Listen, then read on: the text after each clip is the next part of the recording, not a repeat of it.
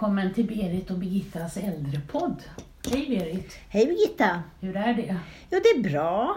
Ja, Eh, fortfarande så är det ju Corona som är det övergripande alltihop och samtalsämnet. Och idag sitter vi om möjligt ännu längre ifrån varandra för Ja. att undvika det här med smittspridning och så. Vi, vi, vi håller verkligen i och håller ut. ja, vi håller i och håller ut. Och det måste vi ju alla göra, Mm. även om det är, blir tufft för väldigt många och det blir ensamt för väldigt många. Mm. Och eh, i fredags hade Skavlan en gäst, Mm. en professor och ekonom från USA, Mm. som pratade om ensamheten. Och hon tog upp precis det vi har haft i våra poddar, att ensamheten är lika farlig, en ofrivillig ensamhet är lika farlig som att röka 15 cigaretter om dagen. Ja. Och det är precis vad vi har tagit upp tidigare. Och vi blir ju oroliga när vi ser att, att eh, det här fort, fortlöper. Och många är ju, men man hoppas ju nu att, att de här som känner sig ensamma ändå ska anamma att man får gå ut, man får göra en massa saker, bara man håller avstånd och eh, är noga med handhygienen. Mm. Men det hon sa också som du och jag också har pratat om, det var det här att, att även om man är ensam och inte kan umgås, så bara det här att kunna pra- säga några ord till någon Mm. eh, betydde så oerhört mycket för upplevelsen av att inte vara ensam. Och det har vi ju pratat Ja. om. Och det här att, nu är, hon sa ju också det här med att nu är ju allting digitaliserat, man får maten hem, banken gör man hemifrån. Så man går inte till de här små, gör de här små sakerna längre. Där man faktiskt kunde bli igenkänd. Ja. Och någon kunde säga hej, god morgon, hur mår- du? Mm. Och för det skulle räcka så långt. Ja. Då skulle man reducera antalet cigaretter som man rökte. Ja. Ja, man gick till butiken och, och någon Mm. kände igen en där. Och det, det gör man ju inte längre utan nu beställer man ju varorna på nätet. Mm. Och hon trodde ju att det kommer att öka. Ja. Och, och jag ser ju bara på mig själv när jag beställer ju varor på nätet och man blir ju visst bekväm. Mm. Att inte, så frågan är ju hur det blir efter det här för pandemin kommer ju att försvinna. ja, ja, den kommer det att göra. Även om det dröjer ett år så är den borta så småningom. Ja, Eller kommer i en annan form, det Ja, vet man inte. Nej, precis. Men eh, det är värt att tänka på och vi har ju pratat om det många gånger. Mm. Det här med att bryta ensamheten. Och nu såg jag häromdagen att nu i och med att det är skärpta regler igen i vissa regioner i landet Mm. eh, och man pratar om att det kommer en julhelg och man säger att man inte ska umgås med sådana som man normalt inte umgås med. Alltså ska man inte åka till barn och barnbarn som man inte har träffat på länge. Nej, nej. Man ska inte vara för nära alltså de som kan vara smittbärare men inte sjuka själva. Mm. Eh, och då läste jag att nu kommer hallåorna tillbaka igen. Ja, över jag såg det också. Ja. Och det är ju en räddning för väldigt många. Absolut. Det blir den här eh, expediten i affären. i- Man kan prata med Ja, dem, ja. för de pratar till mig. Mm. Och gympan fortsätter och det är jättebra. ja. Det är jättebra. Så det blir kontakter ändå om man inte har några. Men det är viktigt och det hon pratade ju också om det här att man måste ta ansvar som samhälle att bygga mötesplatser. Mm. Eh, och det kan man ju göra och det finns ju ofta mötesplatser Mm. i kommunerna men problemet är att de är ju stängda nu. Mm. Men jag ser också nu att GGG, som vi pratade om för Ja. några poddar sedan, att de har tagit upp mycket av sin verksamhet igen, men ute. Ja. De gör eh, promenader, de gör fikastunder Mm. eh, runt om. Och man kan använda utelekplatser eh, Ja. till gym till exempel. Ja. Så, att man har, så att man börjar väl hitta former ändå. Mm, mm. Eh, så att man, men det gäller ju de som kan ta sig ut. Precis, det är ju väldigt är ju många det. som faktiskt inte kan. Nej. Och, och många kommuner har ju lagt ner sina verksamheter fast de faktiskt är lagbundna. Mm. Och jag hörde idag att eh, nämnden för vård, eh, de som tittar över vården i kommunen, att man måste eh, verkställa sina beslut. Ja. Eh, och man måste hitta former, även om, om det nu är smitta, så måste man hitta former att de här som till exempel har enligt SOL eller, eller LSS, som vi ska prata om, eh, måste få, få, få det, sina, det tillgodosett.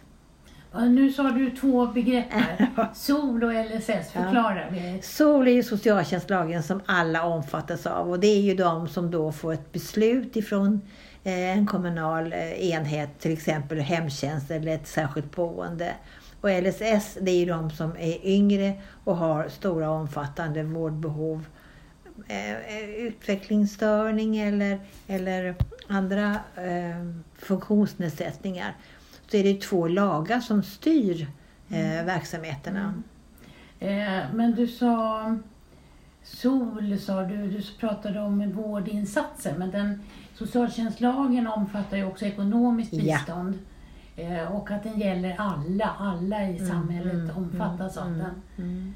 Eh, Och det är ju, kan ju vara viktigt. Men det som också skiljer de här två lagarna åt det är ju att socialtjänstlagen pratar om eh, ett, ett eh, Skälig livs, skälig livskvalitet. livsnivå, ja. Ja, och eh, lagen om särskilt stöd och service till vissa funktionshindrade Mm. pratar om goda levnadsvillkor. Mm. Och vad kan vara, vad, vad är skäligt och vad är gott då? Ja, det, jag tycker att det är, borde inte vara någon skillnad. Eh, och skillnaden i de här två lagarna är också att du, du kan få stöd enligt LSS fram till du är 65 år. Mm. Eh, medans, eh, och, det, och även efter 65 år så får du behålla dina stödinsatser. Och det kan vara till exempel personlig assistent. Mm. Eh, du har ju en, en rörligare insats kan man säga än vad det är till exempel när du får hemtjänst som styrs av socialtjänstlagen. Mm. Mm. Eh, Men, men eh, eh, det här med skälig levnadsnivå och goda levnadsvillkor, det, det, det kan betyda rätt mycket. Ja, för att det här socialtjänstlagen är ju vad man kallar en ramlag. Mm. Den finns inte, alltså man har inte beskrivit vad skäliga levnadsvillkor är. Nej. För det kan ju varje nämnd i varje kommun Ja. besluta om. De kan ju besluta om att i, i Skellefteå är det skäligt att få städat varje, varje vecka. Mm. Medan man i Malmö säger att det är skäligt att få städat var tredje vecka. Mm. De kommunala nämnderna har ju väldigt stort inflytande när det gäller ramlagen på, som, som socialtjänstlagen lyder under. Och det kan ju tyckas väldigt orättvist för du får ingen jämlik får inga jämlika insatser beroende på var du bor, i, vilken del av landet du bor i. Nej. Och det kan ju kännas. Medan LSS, där, har du ju, där är det mera styrande eh, regler som gäller. Mm. Eh, Men i, när det gäller socialtjänstlagen så för några år sedan började man ju prata om individens behov i centrum. Mm. Och att man mycket mer utgick ifrån vad varje individ kan Mm. och vad man som kommun kan stötta med. Mm. För det kan ju vara så att om man kommer hem till mig och tittar, jag har begärt att få hjälp med att städa till exempel, så kan man se att nej men Birgitta kan göra väldigt mycket av det här själv, Mm. men hon kan inte dammsuga under sängen eller byrån och hon kan inte göra vissa andra saker. Nej. Men då kan man besluta om det, Mm. att jag får städat under sängar och under byrån. Och det är ju sånt som, som många har svårt att, att förstå. För den är ju så väldigt detaljerad. Mm. De besluten du får ifrån biståndsenheten så är den ju nästan detaljstyrd. Mm. Och det är ju det som har gjort att mycket inom hemtjänsten känns som eh, det styrs uppifrån. Man kan inte, även om det är person, personen själv tycker att den vill ha vissa saker så får man inte utföra det för det står inte i beslutet. Nej. Nej, det blev ju tuffare ett tag men sen kom de här eh, individens behov i centrum Mm. eh, in i kommunen och där tittar man ju mer på vad varje, Mm.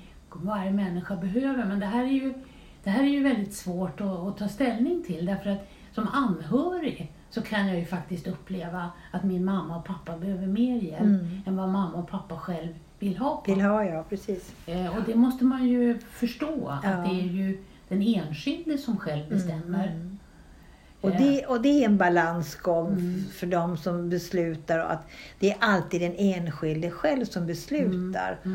Mm. Och eh, det kan man komma i konflikt med anhöriga. Att de tycker att mamma ska ha mera hjälp än vad hon själv som sagt var tycker att hon behöver. Och många pratar ju bort sitt behov. Eh, för de, de vill inte liksom, se att de är så hjälpbehövande som de faktiskt är. Nej. Så att det gäller verkligen som biståndshandläggare att man är lyhörd och att man är, har möjlighet att gå tillbaka och titta över hur, hur, hur föll det här beslutet Ja, ut. precis. Och att man har en dialog med det, framförallt den enskilde men också med anhöriga. Att man förklarar att så här ligger det till. Mm. Jag hörde en historia som jag tycker så himla mycket om och det var en dotter som vände sig till en biståndshandläggare och sa att hon ville att hennes föräldrar skulle få matdistribution därför att det tog så lång tid för dem.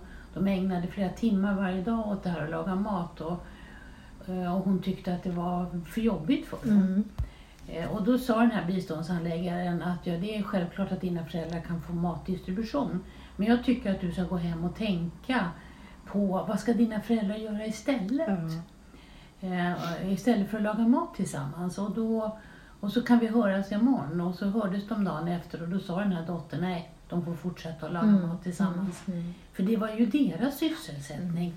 Hon såg säkert sin egen tid som krympte allt eftersom hennes livspussel inte gick ihop. Men hennes föräldrar hade en helt annan situation. Ja, precis. och det är ju ofta så. Mm. Eh, för att man, ja, man vill oftast an, mer som, som anhörig än vad man kanske själv vill som äldre. Mm. Absolut.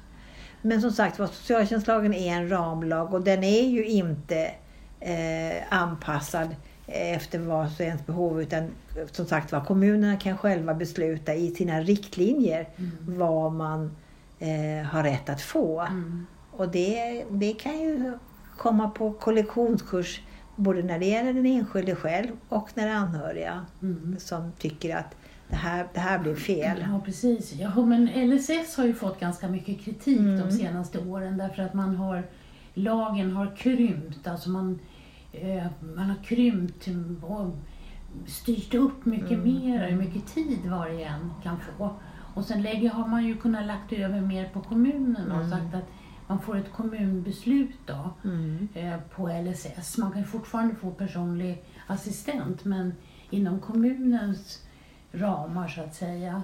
Och, och det här har ju diskuterats mycket och man har ju pratat med på politikernivå, på regeringsnivå att man måste se över den här lagen för den har blivit väldigt urholkad. Och den är väldigt dyrbar. Det är en väldigt dyrbar reform. Ja, det det. Och jag tror inte när man en gång införde den att man hade en aning om att det skulle eh, öka så otroligt som det har gjort. Alltså det har nästan eskalerat till hur mycket som helst.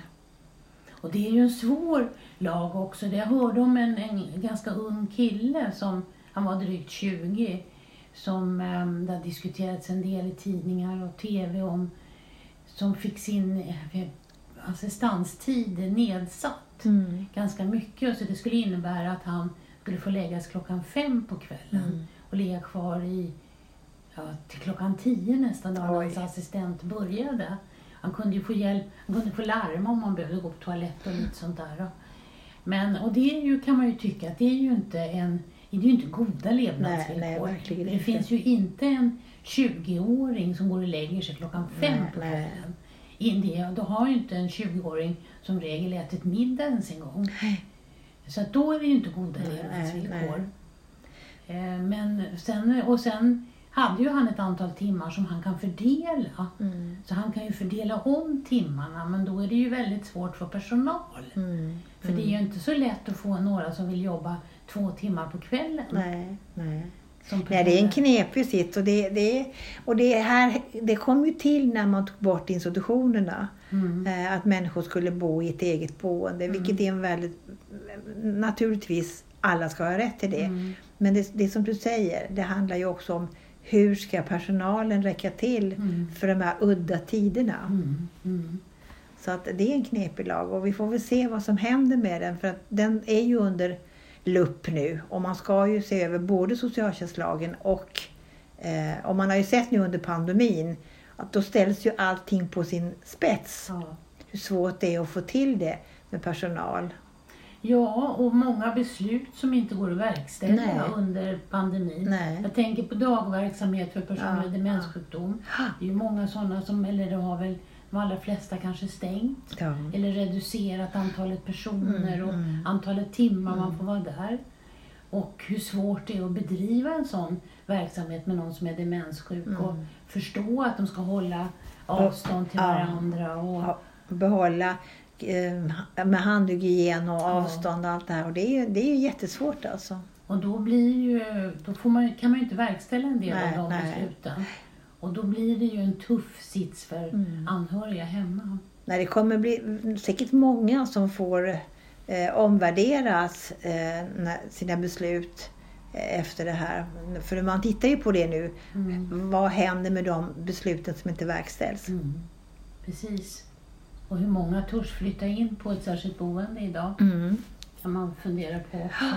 Och det är många som tackar nej och det pratade vi om i förra podden att man har tackat nej både till hemtjänstinsatser och att man inte vågat flytta in på ett boende eh, därför att man är rädd för smittan. Och när det nu ökar igen så kommer det ju inte att bli bättre. Nej. Så att vi får väl se vad som händer.